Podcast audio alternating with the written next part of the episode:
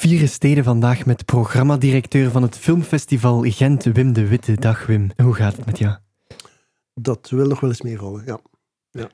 Je Drukke tijden. Drukke tijden. Je bent de gast in uh, Vieren Steden. Ben je een vieren programmadirecteur?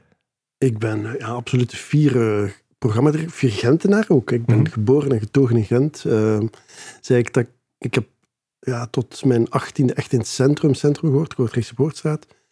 Dan verhuisd naar Vlaamse Kaai met mijn ouders. En dan uh, ja, een beetje rondgezworven in de stad, op verschillende plekken gewoond. En nu, al een paar jaar, moet ik eerlijk toegeven, de stad uitgetrokken en naar Oostakker. Maar dat is ook nog Gent. Ja. Dus ja, ja, ja. valt nog wel mee. Ja. Het, het, klinkt misschien als een, als een soort mythisch beroep, maar wat, wat houdt dat in, een programma-directeur? Ja, wat dat in? Dat betaald worden om naar de cinema te gaan. Hè? Dat is fantastisch. hè? nee, ja, um, um, ja, dat is in het kort gezegd. Hè? Betaald worden naar de cinema te gaan en dan een keuze te maken en veel films zien. En dan een keuze maken wat we op het festival allemaal een, een, een plek geven. En daar proberen een, een, een beetje een verhaal rond te maken. Um, maar het is natuurlijk net iets meer dan dat. In die zin, ik, ik, ben al heel lang bij het festival betrokken. Ik ben mm -hmm. daar begonnen als, uh, als jonge gast. Ik was uh, 18, 19 toen ik uh, van uh, het humaniora afstudeerde en de universiteit begon. En in die eerste vakantie al ging solliciteren om een vakantiejob te doen bij het festival. En daar dan um, bij die eerste editie, ik weet niet meer precies welke het was, ik denk 88 of 89 of zo, um, als tijdelijke, uh, als, als, zaalcontroleur eigenlijk begonnen. Mm -hmm. En dan um, daar altijd teruggekeerd voor tijdelijke opdrachten. Toen was ik uh, daar ergens midden jaren 90 um, aangeworven werd om daar vast in dienst te komen als assistent van de programmator. Dus ik, ik heb eigenlijk altijd behoorlijk in die programmatiedienst aan het festival gezeten. Um, en, uh, en zo doorgroeit tot programmadirecteur. En wat is dat programmadirecteur? Dat is, um, dat is verantwoordelijk voor het volledige filmprogramma en muziekprogramma, het uh, industryprogramma dat we opzetten. Ja. Um, uh, alles wat er inhoudelijk op het festival te beleven valt, valt onder mijn bevoegdheid. Maar gelukkig doe ik dat niet helemaal alleen. Mm -hmm. Ik ging net vragen, als ik naar een film ga kijken tijdens het filmfestival, dan is het omdat jij die film wilde, of je team. Ja, ja. Wij, wij, hebben samen met het team hebben wij alle films gezien. Uh, en hebben wij die allemaal uh, bewust een plek gegeven en bewust gekozen om op het, uh, op het festival te tonen. Ja. Ik zeg, we hebben ze allemaal gezien. Laten we zeggen dat we ze elk jaar proberen allemaal te zien. Er is altijd wel een film die je dan zo net op het laatste momentje er nog kunt bijkrijgen, die je ja. niet gezien hebt voordat je programma afsluit, omdat die in Venetië in première gaat. En omdat je vertrouwen hebt in de maker of, of, of uh, echo's opgevangen hebt, dat het echt de moeite is. En dan zou die ook nog wel eens in het programma kunnen belanden. Maar eigenlijk hebben we ze bijna allemaal gezien. Ja. Is dat ook met, met gelobby? Dat is zeker met veel gelobby, zeker voor, uh, voor, uh, voor lokale films. Hè. En, en dan zeker dat de openingsmoment, hè, de, de openingsslot, um, dat, is, uh, ja, dat is zeer geheerd. Um, en um, vaak moeilijke keuzes die we daar moeten maken. Um, omdat we met veel dingen rekening moeten mee houden. Uh, heel wat praktische dingen. Uh, lengte van de film bijvoorbeeld. Uh, mm -hmm. Dat die ook een beetje staat voor wat het festival is of probeert te zijn. kwaliteitscinema. Wat dat dan ook mag betekenen natuurlijk. Mm -hmm. Want dat kan voor u iets anders soms zijn dan, dan voor mij. Um, um, maar daar wordt veel voor gelobbyd, ja. Ja.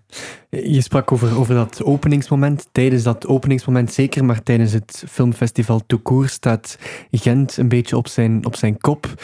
Waar situeert het filmfestival van Gent zich in de wereld of in België?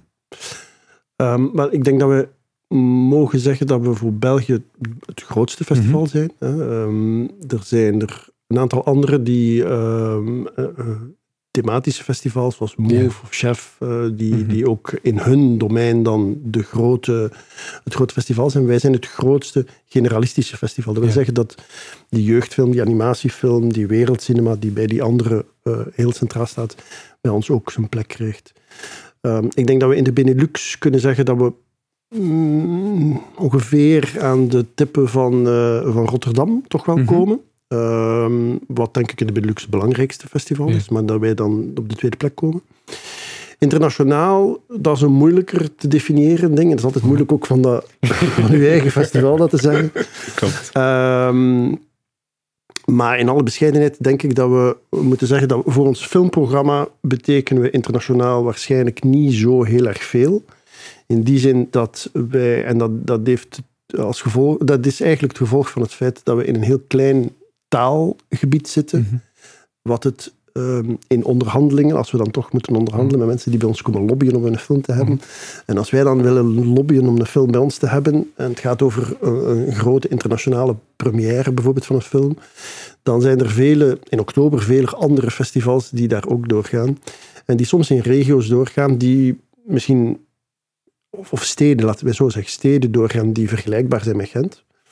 Ehm, maar die dan in een ander taalgebied liggen. Ik, Ja. noem bijvoorbeeld eh, in, die in Spanje liggen. Waar eh, als een filmploeg daar ehm, vijf interviews doet met een Spaanstalige journalisten, zeker met social media, met de, met de online media die er vandaag de dag zijn, een veel groter bereik hebben dan als ze hier 20 of 30 Mhm. eh, Nederlandstalige journalisten doen.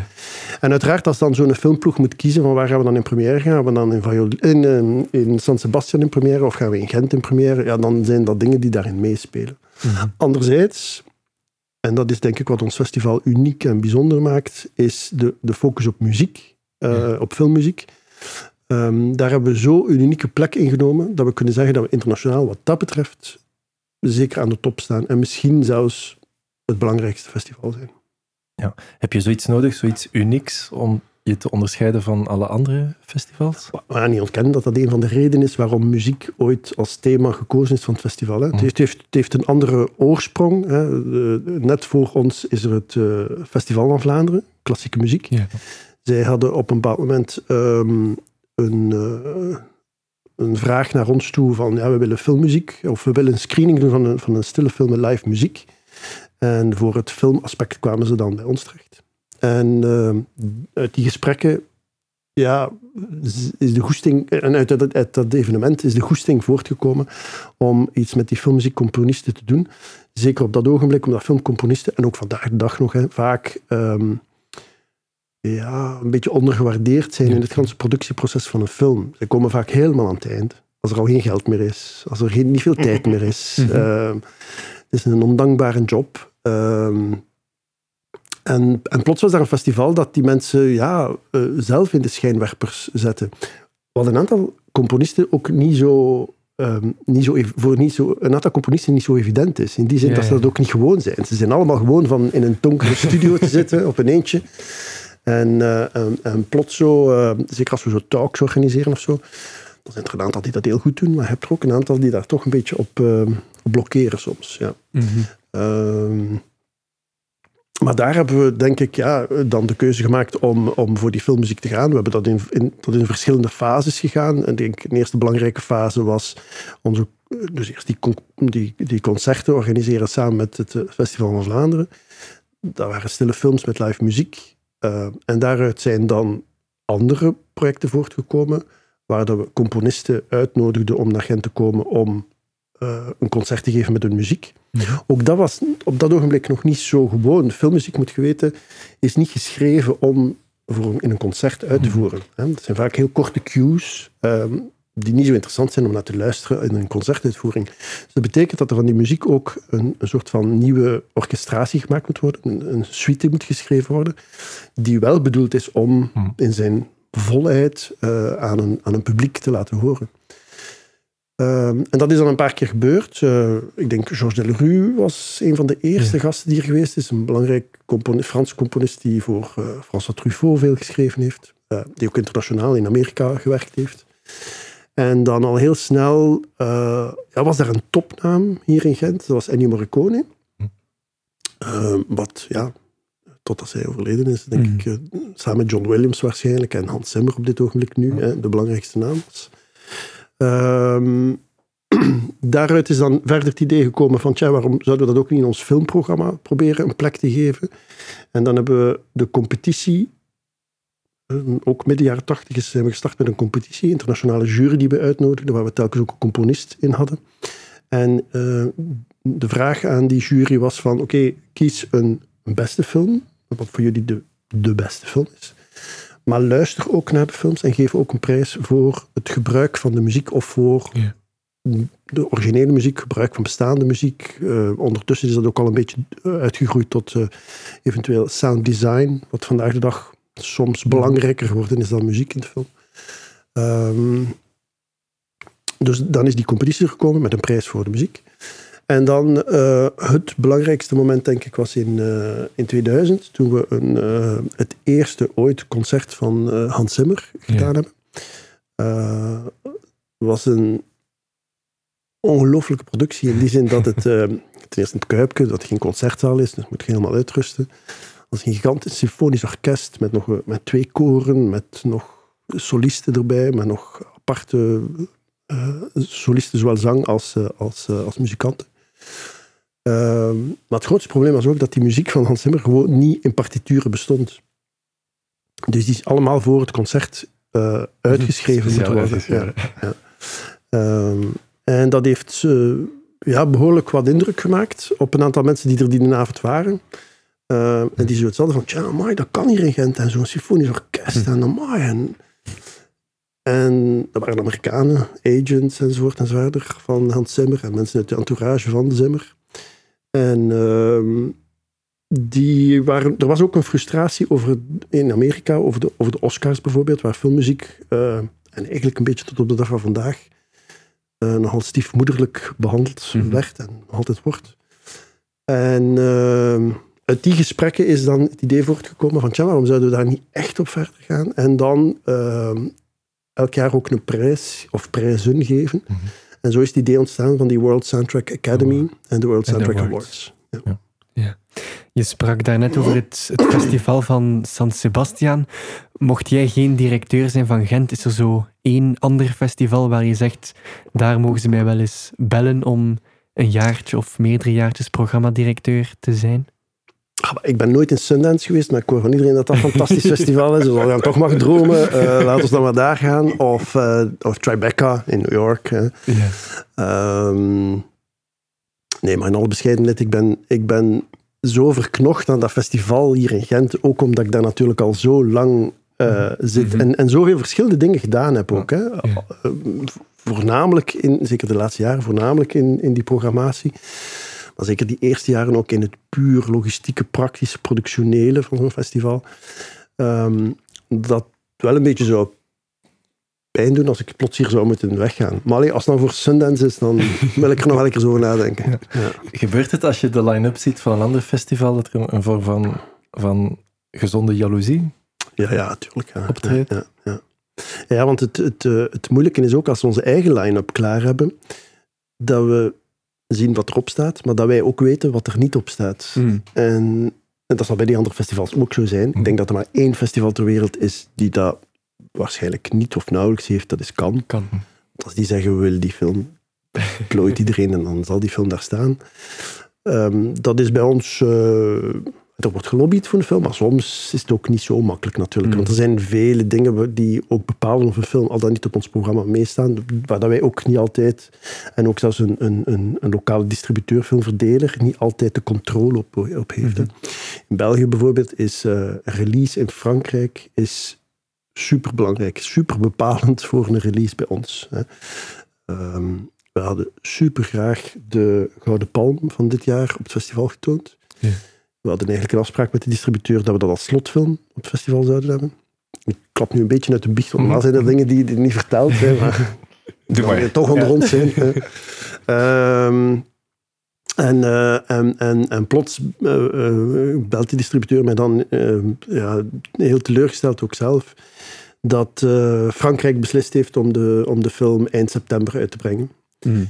En vreemd genoeg is er dan zo'n wetmatigheid in België, omdat releases in Frankrijk, en zeker als het dan gaat om een Franse film of de film die de Gouden Palm gewonnen heeft, die krijgen dan in Frankrijk zo een media coverage die die hier in België nooit kunt krijgen. En die natuurlijk super belangrijk is voor de markt in Wallonië en voor in Brussel, vooral Brussel dan natuurlijk. En dus uh, zijn er vele distributeurs die het dan, als zeker als het om een Franse film gaat, die dan, ja, dan toch uh, Frankrijk volgen. En dat is ook ja, jammer genoeg het geval voor, uh, mm -hmm. voor uh, The Triangle of Sadness van Robin Osland dit jaar. Ja, ja. Hoe lang duurt dan zo'n ontgoocheling? Goh, ja. Uh, hangt af van de film. Hè. Bedoel, ja. op naar de volgende natuurlijk. Hè. we moeten... We moeten gemiddeld hebben tussen de 100 120 langspeelfilms op programma staan. Mhm. Dus er zijn er nog vele andere. En gelukkig zijn er veel andere films en veel goede films. Maar het is natuurlijk altijd wel, zeker bij zoiets, uh, de verwachting van het publiek zal er zijn dat dat bij ons zal staan. Er is nog een andere film ook, waar dan de verwachting zal zijn dat dat bij ons zal staan. Dat is de, de Acht Bergen van, mm van Felix en Charlotte. En we zijn nog in gesprek, maar ook daar uh, doet er zich een vreemd fenomeen voor waar dat wij als festival niet zoveel vat op hebben. Ook daar is de release in het buitenland, want het is eigenlijk een Italiaanse film met een mhm. minoritaire Vlaamse co-productie. Dat betekent dat die co-producent hier al niet helemaal vat heeft op het ding. Dat de Italianen dan voor een stuk daarmee bepalen. In Italië is de release gezet op december. Dus dat betekent dat ze ook voor de release in België eigenlijk niet voor december mogen uitgaan. Ehm, en dan doet er zich een ander raar fenomeen voor. Die film heeft zoveel aandacht gekregen in Cannes, dat er bij het publiek zo'n verwachting is om die film nu te kunnen zien. Mhm. En ze moeten nu al zeggen, het zal nog even duren, het zal maar voor december zijn. Dat de distributeur schrik heeft van, ja, maar als we dan in oktober opnieuw zo'n moment creëren, en weer verwachting creëren dat mensen de film de volgende week in de zaal gaan kunnen zien, maar dan nog twee maanden moeten wachten, dan, dan is dat niet goed voor de carrière van de film. Dus ik kan ze daar ergens in volgen. Mhm. Maar dat is bijzonder frustrerend.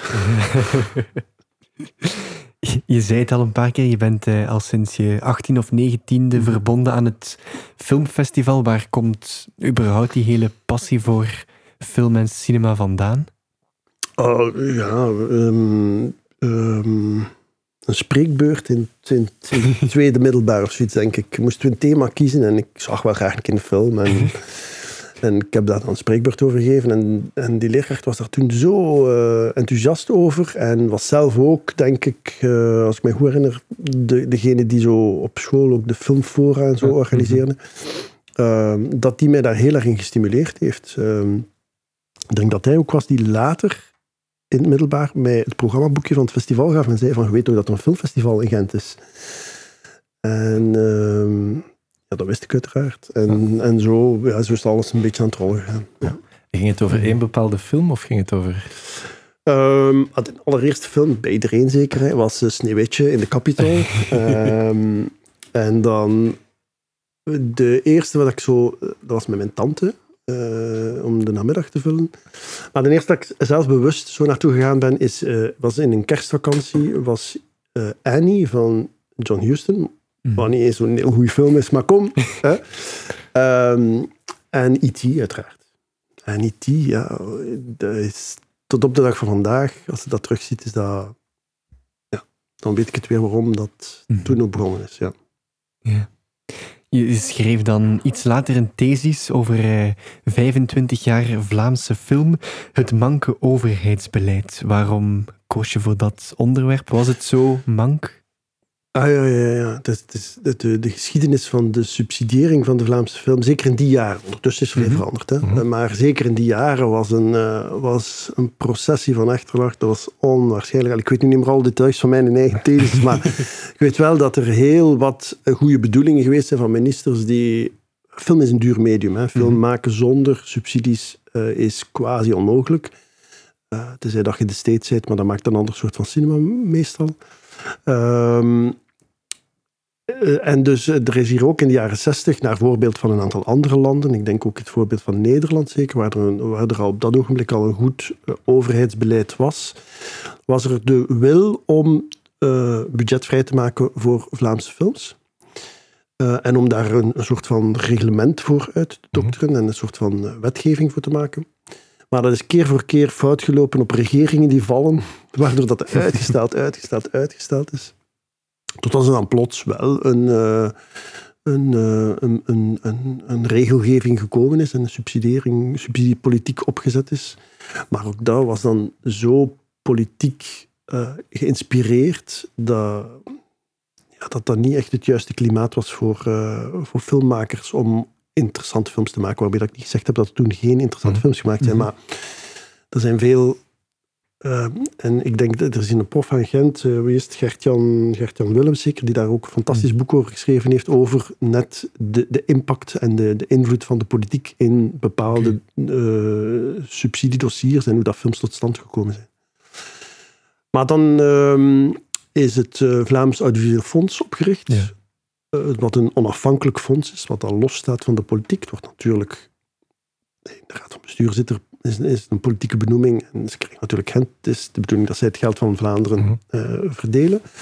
Het is natuurlijk nog altijd wel een beetje inmenging van de politiek, maar niet in de zin van dat de politiek gaat zeggen welke film dat er uh, gesubsidieerd moet worden.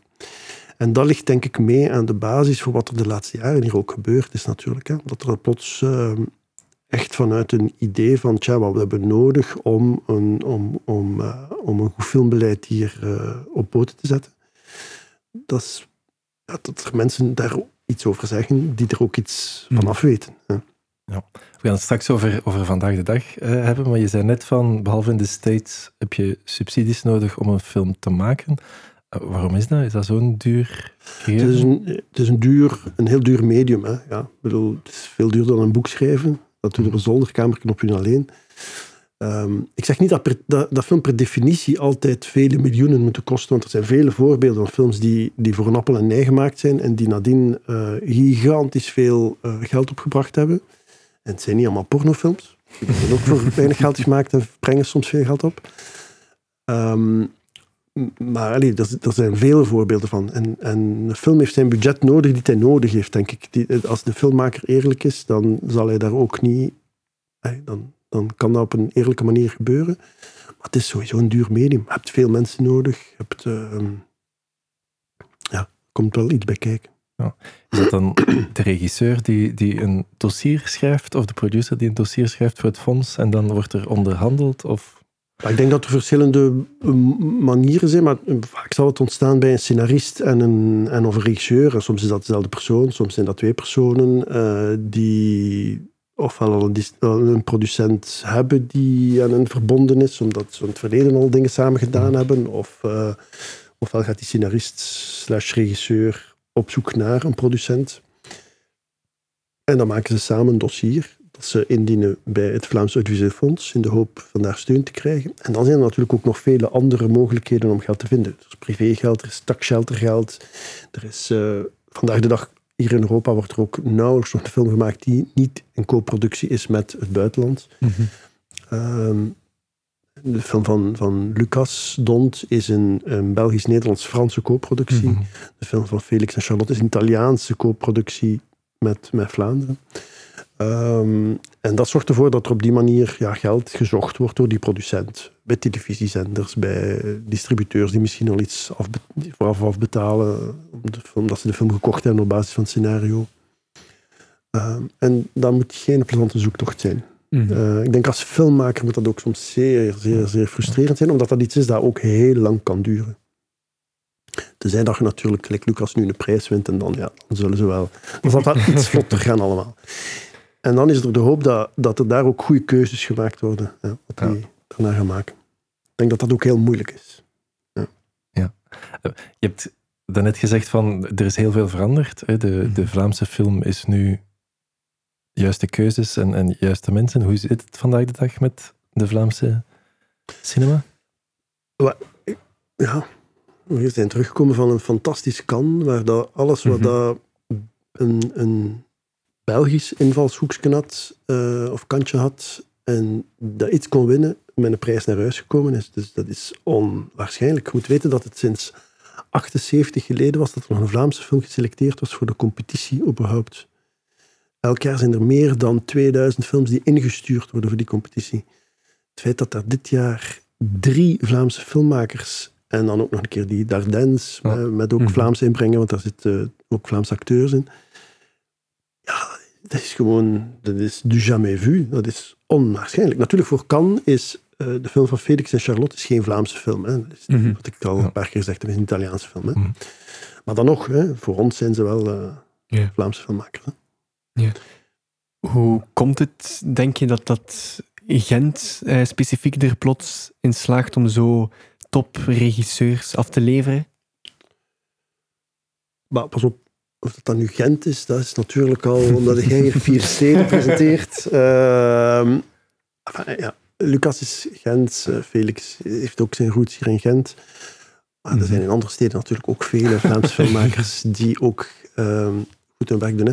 Maar pas op, waar heeft het mee te maken? Ik denk dat we hier af en toe wel een keer zeggen Gent Filmstad. Ik denk Mhm. dat dat klopt. Want wij zijn de stad waar er veel op film gebeurt. Wij- Filmfest Gent, uiteraard. Maar ook daarnaast, we zijn de enige stad in Vlaanderen waar er twee arthouses zijn. Eh, waar we ook een, een, een commercieel complex hebben, Kinepolis. Waar er heel veel filminitiatieven zijn, waar er producenten aan het werk zijn, waar er filmmakers wonen en werken. Ehm, en waar er ook een filmschool is, eh Kask, eh, die natuurlijk ook daar een heel belangrijke rol speelt. want ik denk dat zeker op Kask, denk ik, ehm, de laatste jaren een ongelooflijk parcours afgelegd heeft, ook met de, de kortfilmmakers die daar afgestudeerd zijn. Hmm. Ehm, dus ja, wat dat betreft, denk ik, kunnen we inderdaad zeggen dat Gent eh, een filmstad is. Ja. Ja, want we hebben net gesproken van Lucas en van, van Felix, maar eh, Ruben heeft op uw festival Ruben een de ja, componist. eh, gewonnen, ja. klopt. Ja. Ook al te gast geweest bij ons. Ja. Dus eh, andere steden ook, maar Gent toch zeker. Ja, ja, absoluut, ja, absoluut. Er zal hier wel iets in het water zitten waarschijnlijk hier in Gent. eh, dan nog iets iets meer geconcentreerd dan in de rest van Vlaanderen. Misschien een, een voor de hand liggende vraag, maar hoe belangrijk zijn die arthouse cinemas voor onze stad? Ja, als het van mij afhangt, superbelangrijk Mhm. natuurlijk. Ik denk niet dat iedereen er op dezelfde manier over nadenkt, maar ehm, ehm, ze zijn niet alleen belangrijk voor onze stad, ze zijn eigenlijk, als je, als je kijkt, vroeger hadden wij hier in Vlaanderen een heel florerende eh, cinema-industrie, ik spreek echt van jaren terug, Mhm. eh, waarbij wij zelfs, eh, België eigenlijk, als, als territorium vaak gebruikt werd om Amerikaanse films uit te testen hoe ze op een publiek zouden werken vooraleer ze in, in de rest van Europa uitkwamen. Dus wat dat betreft hadden wij hier een ongelooflijk bloeiende en interessante filmcultuur. Maar ehm, ja, dat is vandaag de dag jammer genoeg niet meer het geval. En dan worden we voorbijgestoken door een aantal andere landen. In Nederland bijvoorbeeld was er op dat ogenblik nauwelijks filmbeleving. Ehm, ehm, en dan is er daar een soort van wetgeving geweest, zoals we het hier ook gekend hebben met bibliotheken, dat elk eh, dorp, elke gemeente zo'n beetje de verplichting had om een bibliotheek eh, te, Mhm. te, te, open, te openen. Is er daar in Nederland zo'n wetgeving geweest die een beetje hetzelfde was, maar voor cinemas. En waar eh, steden gestimuleerd werden om te investeren in bioscopen. En afhankelijk van de grootte van de stad. Een grote bioscoop of een kleinere bioscoop. Ehm, dat betekent dat er in Nederland ongelooflijk veel schermen zijn. en dat film dus ook veel aanweziger is in het dagelijkse leven van, van iedereen. En, eh, en dat de cinema door corona natuurlijk ook zware klappen heeft gekregen. eh, daar niet van. Maar dat het zich daar toch sneller en beter en makkelijker herstelt dan hier bij ons. Waar het op dit ogenblik echt, echt, echt heel moeilijk is. Is het daarom ook zo logisch dat Rotterdam zo'n groot filmfestival kan hebben? Uh, maar pas op, dat festival was er al op het moment dat okay. de rest er nog niet was. Okay. Um, en dat was altijd het vreemde. Hè? Mm dat, -hmm. dat, Rotterdam zo'n groot festival en, zo, en, en ook voor zo waanzinnig moeilijke films soms uh, zo'n groot publiek kon bereiken. Uh, maar misschien had dat met te maken met het feit dat er op dat ogenblik ook niet veel alternatief was. Mhm. Mm -hmm. En dat alles wat dan een beetje geïnteresseerd was in cinema, dan naar Rotterdam kwam. Uh, daar hebben we vaak van gedroomd. Ik ben vele jaren naar Rotterdam geweest. Dat ik um, om tien uur s ochtends op een woensdagochtend uh, een Iraanse film in de Pathé Schouwburg duizend man zag zitten. Dat ik dacht van wow. we hebben ten eerste geen zaal van duizend man. Ja. Al. Dus dat kon al niet bij ons. Maar ja, enfin, ja. Dus, um, ja. Hoe komt het, denk je, dat, dat de art cinema het hier moeilijk heeft? Um, ja, hoe komt het? Moest het makkelijk met de vinger te wijzen zijn, -hmm. was het misschien al opgelost. Um, Heeft het te maken met het feit dat er hier in Gent... Maar het is niet alleen in Gent, hè. het is, het is, het is, Nee, het is, het het is is uh, in gans België, Mm -hmm. uh, overal. Um, en zowel de commerciële cinemas als de, als de arthouse cinemas is echt uh, heel moeilijk op dit ogenblik. Het heeft ongetwijfeld ook terug met mooi weer te maken nu, hè, dat het nog moeilijker wordt.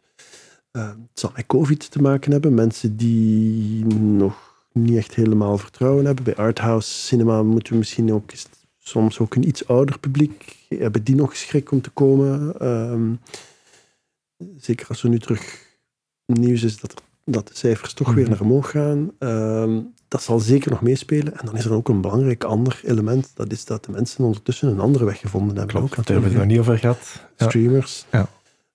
Um, ja, dat zal zeker wel een invloed hebben. En dat gaat nooit meer weggaan. Maar toch blijf ik positief en denk ik wel dat uh, mensen zijn sociale beestjes en die gaan wel ooit terug, zoals we ook wel terug naar het cinema, naar, naar theater of naar concerten of F5, dat, dat, dat doen we nu al terug. Mhm. Komt cinema ook wel terug. Alleen zal het altijd in concurrentie zijn met uh, die streamers. En dat is misschien ook niet zo slecht, omdat het misschien een aantal distributeurs ook een beetje zal doen nadenken over welke films brengen we nog in de zaal. Mm Ik denk dat de, de crisis in de, in de cinema op dit ogenblik ja, is vooral COVID en dan de streamers en mensen die daar een weg naar gevonden hebben enzovoort. Maar het heeft ook een beetje zijn, zijn oorsprong, denk ik, in het feit dat er op een bepaald moment gewoon veel te veel films uitkwamen. Films die om de verkeerde redenen ook uitkwamen. Um, cinemas krijgen steun van Europa als ze zoveel Europese films uitgebracht hebben. En dus gebeurt het wel eens dat er dan een Europese film in de zaal komt die eigenlijk niet zo vrij goed is. Hmm. Maar we moeten aan ons quota geraken, aan ons nummer geraken en dus uh, programmeren we die ook. En dat stelt een publiek teleur. En dan zal dat publiek, zeker als ze voor dat soort van films alternatieven hmm. hebben, de volgende keer wel nadenken van, tja, ja, maar moet ik dat eigenlijk wel in het cinema gaan zien? misschien kun je dat ook gewoon thuis bekijken. Um, en dat is misschien niet slecht dat de cinema daar even over nadenkt. Uh, wat ik nog altijd gigantisch veel films zie uitkomen elke week. Uh, niet elke hmm. week, maar toch veel films komen. Ja. uitkomen. Is het daarom dat, dat de cinema een beetje neerkijkt op dingen zoals Netflix? Maar neerkijken. Uh, Netflix is iets heel, is iets heel bizar. Hè? Aan de ene kant geven die filmmakers ongelooflijke kansen. Ehm, maar de voorwaarden waarop is niet altijd even mhm. goed. Maar genoeg zijn filmmakers soms ja, zo lang met een project bezig dat ze daar zo aan verknocht geraken dat ze het kost wat kost willen maken. En er dan wel bij nemen dat een deel van hun rechten naar andere mensen mhm. gaan en dat, is, dat de film niet meer in de zaal komt. En, maar dan kunnen ze tenminste een project maken. Um, ik denk dat dat waarschijnlijk het grootste probleem is. En zeker ook voor componisten bijvoorbeeld is het niet altijd zo dankbaar. En, en veel van die projecten moeten zijn hun rechten afstaan. Ehm, en natuurlijk doe je dat dan als dat een, een groot prestigeproject is. Um, maar in de lange, op de, in de long end is dat misschien niet altijd even in uw mhm. voordeel. Ja. En dat is iets waar die streamers natuurlijk ja, met hun machtspositie die ze hebben, uh, gebruik van maken natuurlijk. Hetzelfde bij de gaming-industrie, als we horen mhm. daar, uh, ook daar, um, ook al ondanks dat er zoveel geld mee, gemoeid gaat, mee gemoeid gaat, zullen daar componisten ook vaak um, ja, heel slechte deals moeten maken als ze daar willen voorwerken. Mm. Um, ik zeg niet dat ze dat allemaal, sommigen zullen wel kunnen onderhandelen en zullen daar misschien wel een percentage op krijgen, maar uh, dat is een grote discussie in de, in de gamingwereld ja. ook op dit ogenblik. Ja. ja. Je sprak daarnet over jouw eerste film in de Capitol. Mhm. waar, waar ging je nog film kijken vroeger? Uh, in alle zalen die er nog waren. In de, in de mhm. Veldstraat was er ook nog één. De Neverending Story heb ik daar gezien. Ik denk dat dat de... Was dat de Majestic of zoiets? Waar dan nu de, de een kledingzaak is, denk ik. Uh, de Zara of zoiets is daar. Of, de Hema. Of nee, de, de, H&M. Mm ik weet het niet. Ja. Maar je ziet er nog aan de buitenkant, zie je nog dat dat echt zo... Je ziet dat... Yeah. Misschien wel het weet. maar dat dan in cinema was. Ja. Uh, ik denk dat dat... Ja, dat, dat zijn zo de twee dat ik, dat ik echt... Maar, en ook hier op, uh, aan, aan Zuid, vroeger, de, de Select... Mm was ook nog een filmzaal. Uh, waar ik denk ik nog um, een film van Prince, niet Purple Rain, maar, de, de, de, maar een die er daarna van gemaakt heeft, een zwart-wit film. Die niet zo vrij goed was. Maar de muziek was heel goed. De muziek was heel goed. En ik was grote fan, dus ik kon er niet zoveel slecht. Ja. Dus, eh, Voilà. Heb je, eh, heb je een, een favoriet? daar ben ik ook nog, in die cinema ben ik ook nog, oh, ben ik ook nog binnengebroken ooit. Als, als, Binnengebroken? als, hij, Ja. als, hij, als, hij, als hij dicht was uiteraard. Mhm. En als hier Hans dat ding gingen platgooien voor, eh, voor dat nieuw complex dat hier nu staat, ben ik nog met mijn lief, herinner ik mij, dat ik naar de studioscoop naar een, naar een ontbijtfilm ging kijken. Mhm. Ehm, en ik denk dat Cinema Paradiso was. Van, van Tornatore met, met de Mhm. muziek van eh, Morricone. Dat gaat zo over de cabines en over cinema's en over alles wat er daar leeft. En we waren zo ah, enthousiast dat we dachten van, oh fuck, dat we nu een keer in een cabine konden gaan. En, en we passeerden hier aan het Zuid. En, en op een of andere manier was dat ook niet zo goed. Het is niet dat ik echt binnengebroken ben, hè, want ik ben geen inbreker. maar toch zijn we daar binnen geraakt in de cabine, dat herinner ik me nog. Ja. Ja, ja, ja. Toch altijd een magisch moment toen, vroeger. Hè? Ook in, ook in, eh in Kinepolis, cabines, toen dat er nog 35 mm was. Hmm. Nu is dat iets heel vreemd geworden. Hè? Ook, ook ehm, de mensen die daar werken, er zijn er een aantal die, die, die vroeger nog met pellicule eh, Mhm. gedraaid hebben. En dan was daar ook, dan moesten dan een ploeg mensen zijn die echt in een film starten en als er iets loopt, daar waren. Nu vandaag de dag kan dat vanuit een callcenter uit India, alleen niet een callcenter, maar ze dat, een, een datacenter Ja. uit India opgestart worden, dat er in een film in Gent in zaal 10 draait. En dat heeft een stuk van zijn charme wel verloren. En dus dus er, is niet meer iemand die op de spatiebalk... Jawel, jawel, wel. Er zijn nog altijd, ja, gelukkig hè, zijn er nog altijd mensen die daar zitten, maar de, die job is zo helemaal anders ingevuld. Hè. Ehm, ja, een beetje heimwee dat ze daar naar terugkijken, denk ik. Mm. Ik ging het je daarnet vragen. Heb je heimwee naar een, naar een favoriete zaal? Is er een, een zaal eh, waar je de beste herinneringen aan hebt? Je hoeft ons niet alles te vertellen. Eh, Nee, dat, ja, dat denk ik niet. nee. Eh, Maar pas op, ja, dat, de, Of mag je dat als programmadirecteur niet misschien is dat. zeggen?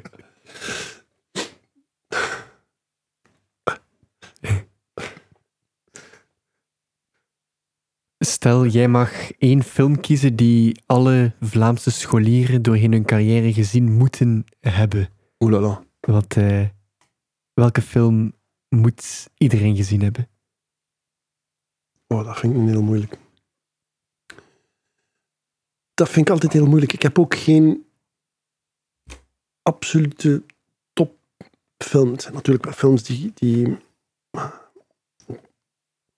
Ik heb geen lijstje van vijf films die zo Mhm. mijn absolute topfilms zijn. Omdat ik dat heel moeilijk vind, want er, is- want er is een verschil tussen films die je heel goed vindt, maar die je niet per se ook nog een keer terug wilt zien. Mhm. En natuurlijk zijn er ook een paar films die, die je graag nog een keer terug oplegt. Eh, maar een film die iedereen moet gezien hebben. Ik zou het echt niet weten. Ik weet ook niet of dat bestaat. Een film die iedereen moet gezien hebben. Ik kan hopen dat iedereen ooit een film ziet die Ja. iets losmaakt Mhm. bij iemand. En die zegt van, tja, wat is dat cinema? En, die, en, die, en dat kan... Ja, ik moet eerlijk toegeven, in mijn geval was dat Hollywood cinema dan hè, toch wel, E.T. Eh, Maar toch het soort van Hollywood cinema die, die toch iets probeert anders te zijn dan alleen maar entertainment. Ehm, want, want wat dat betreft hebben we wel al een aantal keer een, een best wel... Ik ben ook grote voorstander om op het festival ehm, schoolvoorstellingen te doen. Hè. Mhm. Eigenlijk heb ik eh, mijn opleiding gedaan in de universiteit. Ik heb mijn aggregaat gedaan in de veronderstelling dat ik het onderwijs ging komen. En dat ik daar iets ging doen met Mhm. film en, en dat soort van dingen. Uiteindelijk is het anders uitgedraaid. Maar ik heb dan wel geprobeerd om dat onderwijs binnen te brengen in, in, in, eh, in het festival. Omdat ik denk dat het vandaag de dag heel belangrijk is om te leren lezen en te leren schrijven. En te leren rekenen.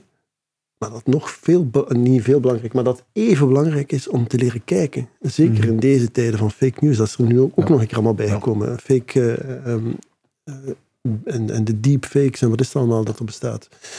Ehm, om mensen te leren kijken. En in dat opzicht denk ik, ehm, hebben we ooit een, eh, een project gedaan met, eh, met een Vlaamse film. eh, best wel een moeilijke film, Violet van Bas de Vos. Mhm.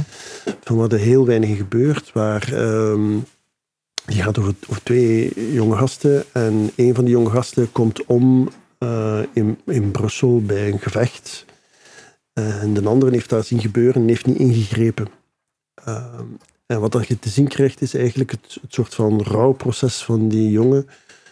Ehm, en het besef van, ik heb niet ingegrepen. Maar er gebeurt eigenlijk, er gebeurt niet, het is niet zoveel actie, het is heel slow cinema, heel traag verteld. Als je daarin meegingt, het is zo'n mooie film. En we hebben dat getoond aan een, uh, aan een publiek van jonge gasten, ik denk 15, 16 jaar. Um, en dat is best wel een uitdaging, dat soort van Mhm. film. Maar we hebben daar toch bij een aantal van die gasten, nadien ook de regisseur was daar, de hoofdrolspeler was daar. En ik moet ook eerlijk zeggen, zij hebben ook heel veel ehm, eh, verdiensten aan het feit dat dat dan heel goed gelukt is, omdat ze dat op een supergoeie manier ook met die gasten in dialoog gegaan zijn.